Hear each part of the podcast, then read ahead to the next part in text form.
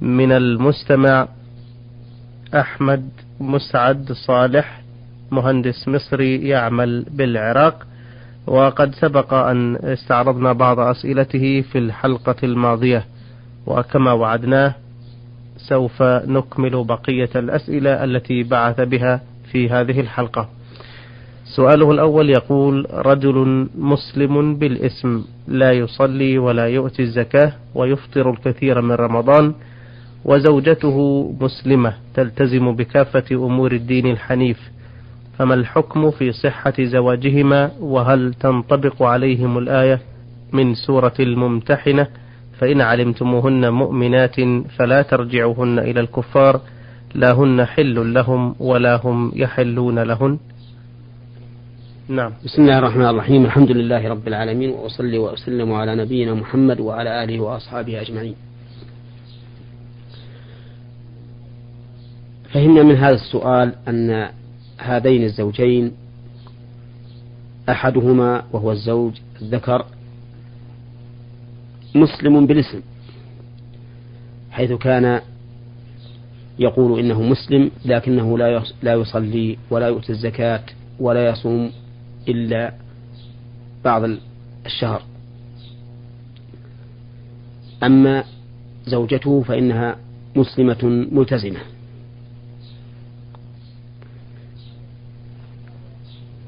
نعم. وهذا الذي حدث للزوج من عدم إقامة الصلاة وعدم إيتاء الزكاة وعدم صيام رمضان إلا بعضه لا يخلو إما أن يكون قبل العقد أو بعد العقد فإن كان قبل العقد إن كان قبل العقد فإنه ينبني على القول بكفر تارك الصلاة. فإن قلنا بأنه يكفر فإن عقده على المسلمة عقد باطل لا تحل له به. وذلك لأن الكافر لا يحل له أن يتزوج امرأة مسلمة بإجماع المسلمين. لقوله تعالى يا أيها الذين آمنوا إذا جاءكم مؤمنات مهاجرات فامتحنوهن الله أعلم بإيمانهن فإن علمتموهن مؤمنات فلا ترجعوهن إلى الكفار. لا هن حل لهم ولا هم يحلون لهن وهذا موضع لا خلاف فيه بين المسلمين في أن الكافر سواء كان أصليا أم مرتدا لا يحل له أن يتزوج امرأة مسلمة وأن عقده عليها باطل. ولا إشكال فيه. والقول بأن تارك الصلاة يكفر ولو كان مقرا بوجوبها هو القول الراجح الذي يدل عليه القرآن والسنة وحكي إجماع الصحابة رضي الله عنهم. وهو المشهور من مذهب الإمام أحمد رحمه الله وأحد قولي الشافعي.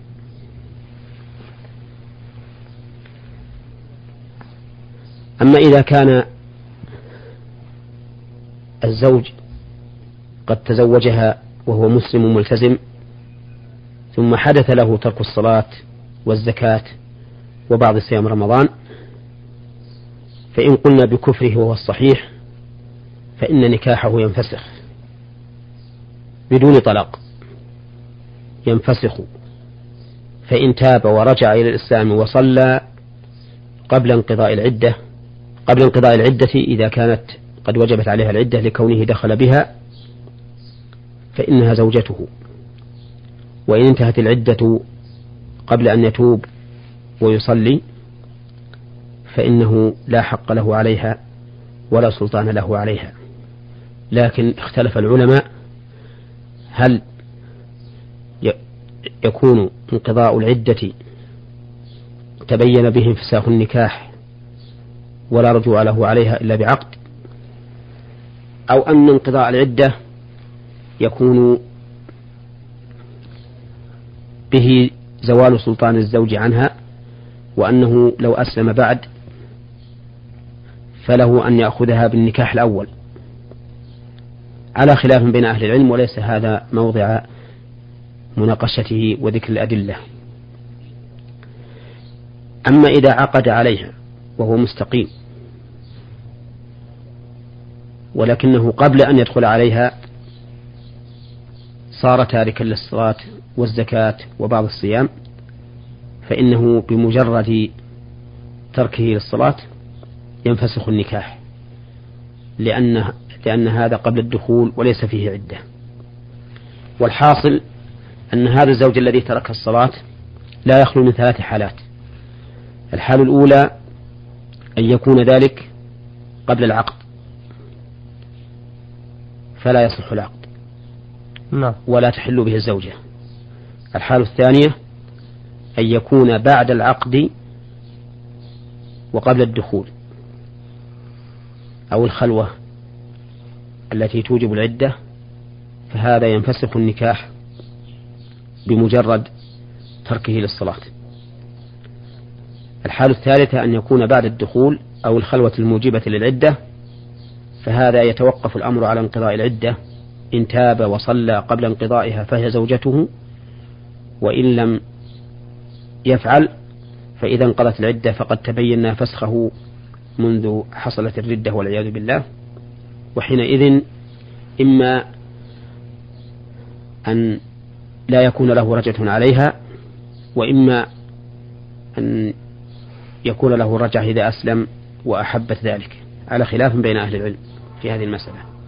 وكل هذا الذي رجحناه بناء على ما نراه من أن تارك الصلاة يكفر كفرا مخرجا عن الملة. وقد تأملت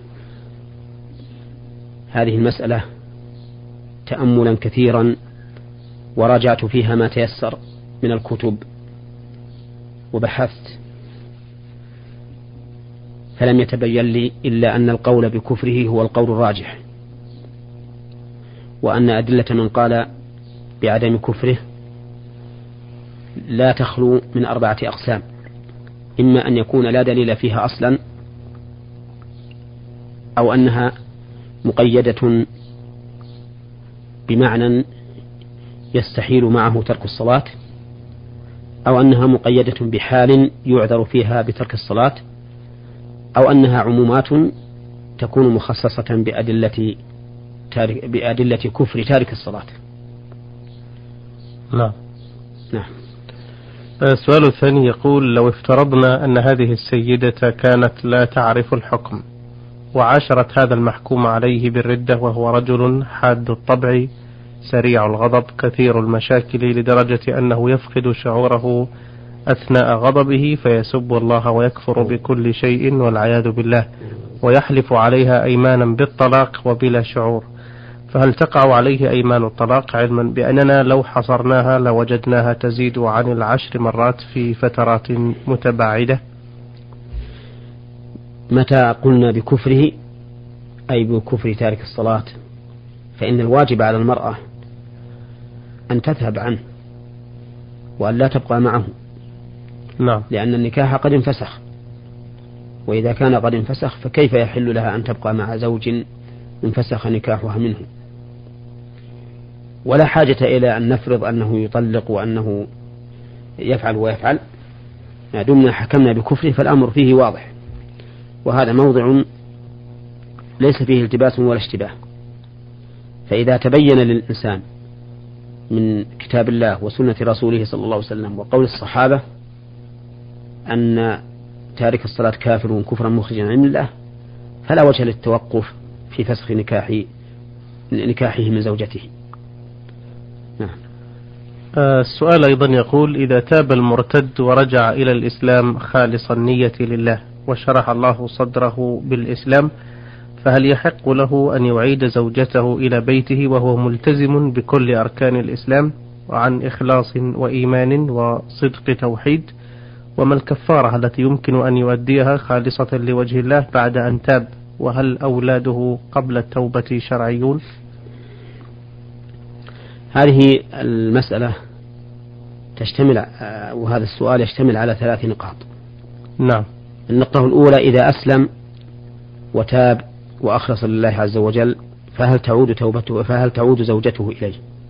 نعم. سبق أن قلنا إنه إذا كانت إذا كانت إذا كان موجب الردة قبل الدخول والخلوة الموجبة للعدة. فإن النكاح ينفسخ. وحينئذ لا تحل له إلا بعقد جديد. وإذا كان حدوث ذلك بعد بعد الدخول أو الخلوة الموجبة للعدة فإن الأمر يقف على انقضاء العدة. إن حصلت له التوبة قبل انقضاء العدة فهي زوجته. وإن حصلت بعد انقضاء العدة فأكثر أهل العلم يرون أنها لا تحل له إلا بعقد جديد. وذهب بعض أهل العلم إلى أنها تحل له إذا رجع إليها. وأن انقضاء العدة يوجب أن أو بالأحرى يسقط سلطانه عليها ولا يحرمها عليه لو عاد إلى الإسلام. فبناء على هذين الحالين يتبين حكم هذا الرجل بالنسبة إلى رجوعه إلى زوجته. وأما بالنسبة ما يجب عليه لما مضى فإن التوبة الخالصة تجب ما قبلها. لقوله تعالى قل للذين كفروا إن ينتهوا يغفر لهم ما قد سلف وقال النبي عليه الصلاة والسلام لعمرو بن العاص إن الإسلام يهدم ما قبله وأما بالنسبة لأولاده فإن كان يعتقد أن النكاح أن النكاح باق لكونه مقلدا لمن لا يرى الكفر بالصلاة لمن لا يرى الكفر بترك الصلاة. نعم. أو كان لا يعلم أن تارك الصلاة يكفر فإن أولاده يكونون له. ويلحقون, ويلحقون به. وأما إذا كان يعلم أن ترك الصلاة كفر وأن الزوجة لا تحل له مع ترك الصلاة وأن وطأه لها وطء محرم فإن أولاده لا يلحقون به في هذه الحال. وبعد فإن المسألة من المسائل العظيمة الكبيرة التي ابتلي بها بعض الناس اليوم نسأل الله لنا ولهم السلامة والعاقبة الحميدة. آه، سؤاله الأخير يقول هل الكافر تنطبق عليه نفس أحكام التشريع الإسلامي من حيث المعاملات؟ وأقصد المرتد لنفس الحالة التي تحدثت عنها سابقا أم أنه يعاد أولا إلى الطريق المستقيم حتى يخضع كيانه لتشريعه السامي؟ المرتد ليس كالكافر الأصلي ولا يعامل معاملة الكافر الأصلي نعم. بل هو أشد منه. لقول النبي عليه الصلاة والسلام من بدل دينه فاقتلوه. فالمرتد بأي نوع من أنواع الردة لا يعامل كما يعامل الكافر الأصلي بل إنه يلزم بالرجوع إلى الإسلام. فإن أسلم فذاك وإن لم يسلم فإنه يقتل. يقتل كفرا. ولا يدفن مع المسلمين ولا يصلى عليه. نعم. و وعلى هذا فنقول إن هذا المرتد لا يمكن أن يعيش. بل إنه إما أن يعيش مسلما وإما أن يقتل. نعم. آه، يقول أيضا هل ينطبق على هذا المرتد بعد توبته قول الله تعالى والذين عملوا السيئات ثم تابوا من بعدها وآمنوا إن ربك من بعدها لغفور رحيم. فإن تابوا وأقاموا الصلاة وآتوا الزكاة فإخوانكم في الدين ونفصل الآيات لقوم يعلمون. وقوله خذ من أموالهم صدقة تطهرهم وتزكيهم بها وصل عليهم إن صلاتك سكن لهم والله سميع عليم. ألم يعلموا أن الله يقبل التوبة عن عباده ويأخذ الصدقات وأن الله هو التواب الرحيم. إلى آخر الآيات التي تتحدث عن التوبة. نعم. نعم ينطبق عليه ذلك. فإذا تاب ورجع إلى الله عز وجل فإنه يكون مؤمنا ومع المؤمنين. لقوله تعالى قل يا عبادي الذين أسرفوا على أنفسهم لا تقنطوا من رحمة الله إن الله يغفر الذنوب جميعا إنه هو الغفور الرحيم. أحسن الله إليكم. هذا السائل من الجمهورية العربية اليمنية رمز لاسمه بالأحرف فاء ميم قاف. يقول أبدأ الحديث عن صلاة الجماعة والتشديد عليها وبما أنني أؤمن بذلك إلا أنني أجد نفسي مضطرا لمفارقة الجماعة في المسجد لأسباب كثيرة. لأسباب كثيرة أجدها تمارس في مسجد قريتنا وهي فيها ما يخل بصحة الصلاة ويخل بآداب المساجد التي هي بيوت الله. وبكل أسف الناس هنا لا ينفع فيهم الوعظ من جهة ولا يفيدهم من جهة أخرى. وذلك عندما أحاول أن أرشدهم إلى الحقيقة والصواب أجدهم دائما يقولون أنت على مذهب ونحن على مذهب آخر ومذهبنا يجيز لنا ذلك. علما بأني آخذ ديني من كتاب الله وسنة رسوله صلى الله عليه وسلم مهتديا بأقوال الرسول وأحاديثه. وأقول لهم إن أقوال الأئمة رضوان الله عليهم هي مأخوذة من سنة النبي صلى الله عليه وسلم وهم لا يختلفون في الأصول إنما اختلافهم في الفروع. وذلك لا تأثير له في صحة أو بطلان الصلاة. فصلاة الظهر التي أجلس كثيرا لانتظارها بعد دخول الوقت تؤخر لتصلى مع العصر مقدما قبل أن يدخل وقته. وصلاة العشاء تقدم على وقتها لتصلى بعد المغرب بمضي نصف ساعة أي من دخول وقت المغرب. وقد خرجت مرة حين أقيمت صلاة العشاء ونظرت فإذا بضوء الشفق لم يزل بينا. وعندما نبهت الإمام والمصلين إلى ذلك قالوا إنها جائزة ولا يريدون في ذلك نقاشا ومن وقتها عرفت أنه لا فائدة وحبست نفسي في بيتي أصلي كل الأوقات في أو في وقتها دون ما تقصير.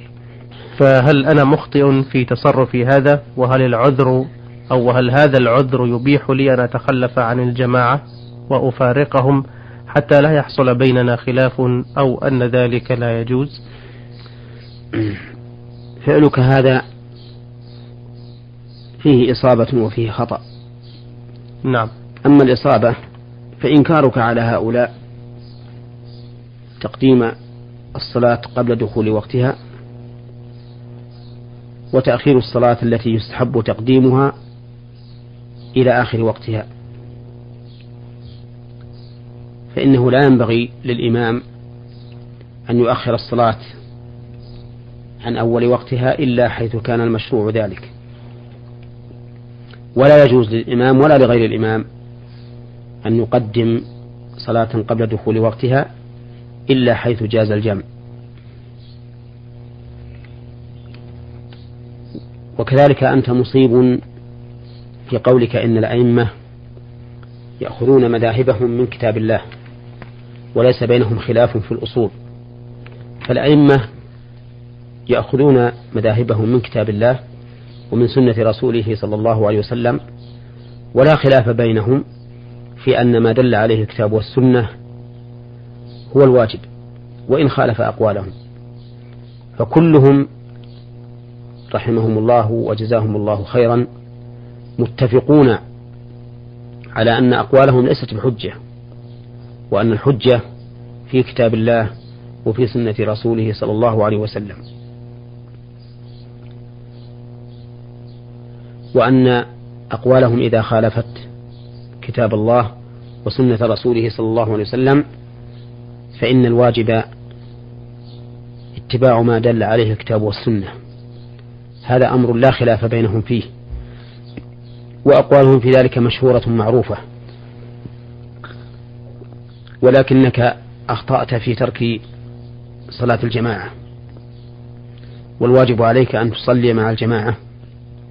وإن وإن أخروها عن أول الوقت. لأن الصلاة في أول وقتها أفضل من الصلاة في آخر وقتها. فتقديمها في أول الوقت من باب الأفضل وليس من باب الواجب. لكن صلاة أما صلاة الجماعة فإنها واجبة. وعلى هذا فيجب عليك أن تنتظر حتى تصلي معهم. وإن أخروها عن أول الوقت.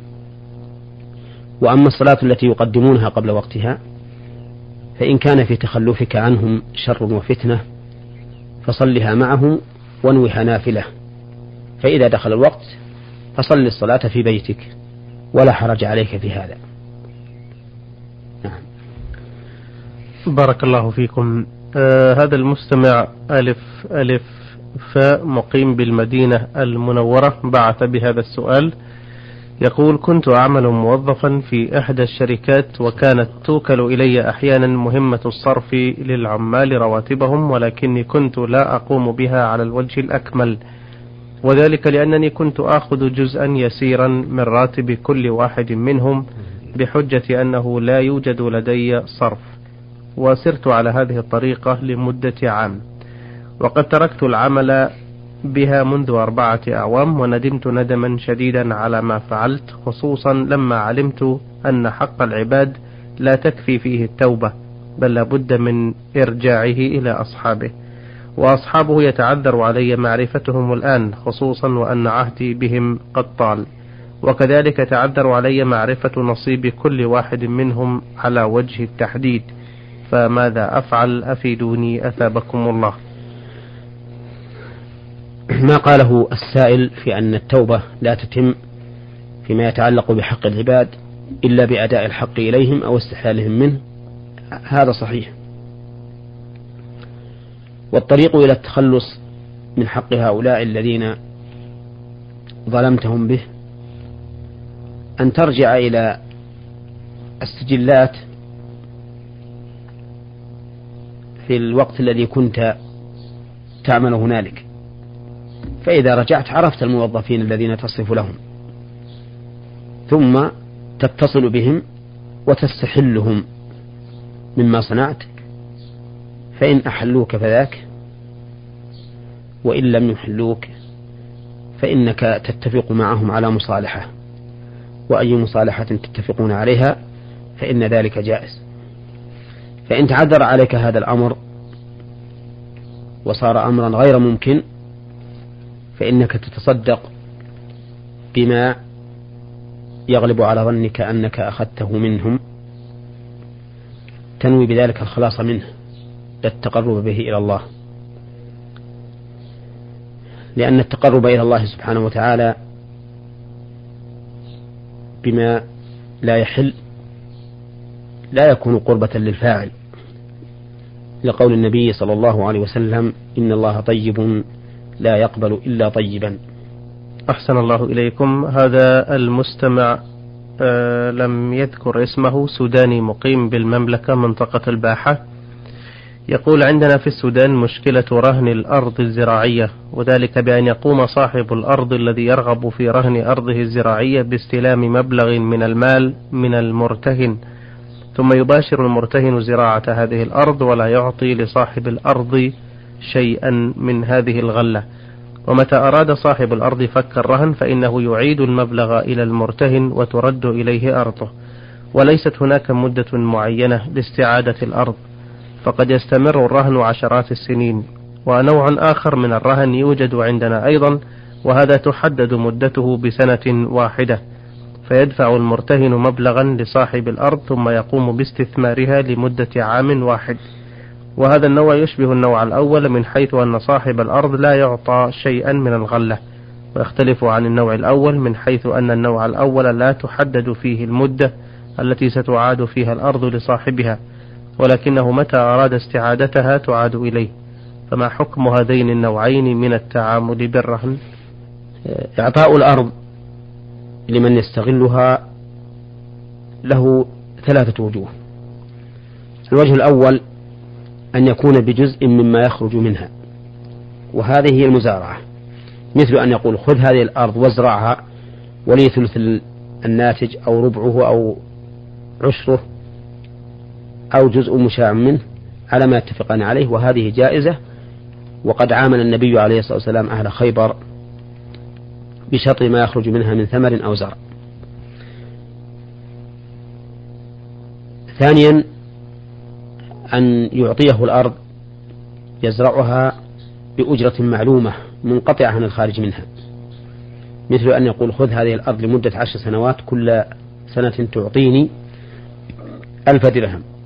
نعم. فهذا أيضا جائز ولا حرج فيه. وقد قال رافع بن خديجة رضي الله عنه حين ذكر المزارعة الممنوعة قال فأما شيء معلوم مضمون فلا بأس به. والشيء الثالث آه، الصورة الشيء الثالث أن يعطيه الأرض منحة ينتفع بها الزارع بدون مقابل. وهذا أيضا جائز ولا بأس به وهو من الإحسان المندوب إليه. فإذا كان هذا الذي أعطى الأرض منحة يأخذ من الزارع شيئا يؤمن به نفسه فإن هذا لا بأس به. ولعل هذه المسألة الأخيرة هي التي يقصدها السائل. نعم. وحينئذ تكون جائزة. نعم. بارك الله فيكم وأحسن إليكم. آه، أيها الإخوة الأعزاء في ختام هذا اللقاء نشكر فضيلة الشيخ محمد بن صالح العثيمين المدرس بكلية الشريعة بجامعة الإمام محمد بن سعود الإسلامية بالقصيم وإمام وخطيب المسجد الجامع الكبير بعنيزة على إجابته عن أسئلتكم في هذه الحلقة. وقد استعرضنا رسائل الإخوة أحمد مسعد صالح مهندس مصري يعمل بالعراق والأخ ميم قاف مقيم بالجمهورية العربية اليمنية والأخ ألف ألف مقيم بالمدينة المنورة. وعلى سؤال الأخ السوداني المقيم بالمملكة منطقة الباحة. أعزائنا الكرام نشكركم جزيل الشكر على حسن إصغائكم وإلى أن نلقاكم في حلقة قادمة إن شاء الله. نستودعكم الله تعالى والسلام عليكم ورحمة الله وبركاته. نور على الدرب برنامج يومي يجيب فيه أصحاب الفضيلة العلماء على أسئلة المستمعين الدينية والاجتماعية. البرنامج من تقديم وتنفيذ أحمد عبد العزيز الغامدي.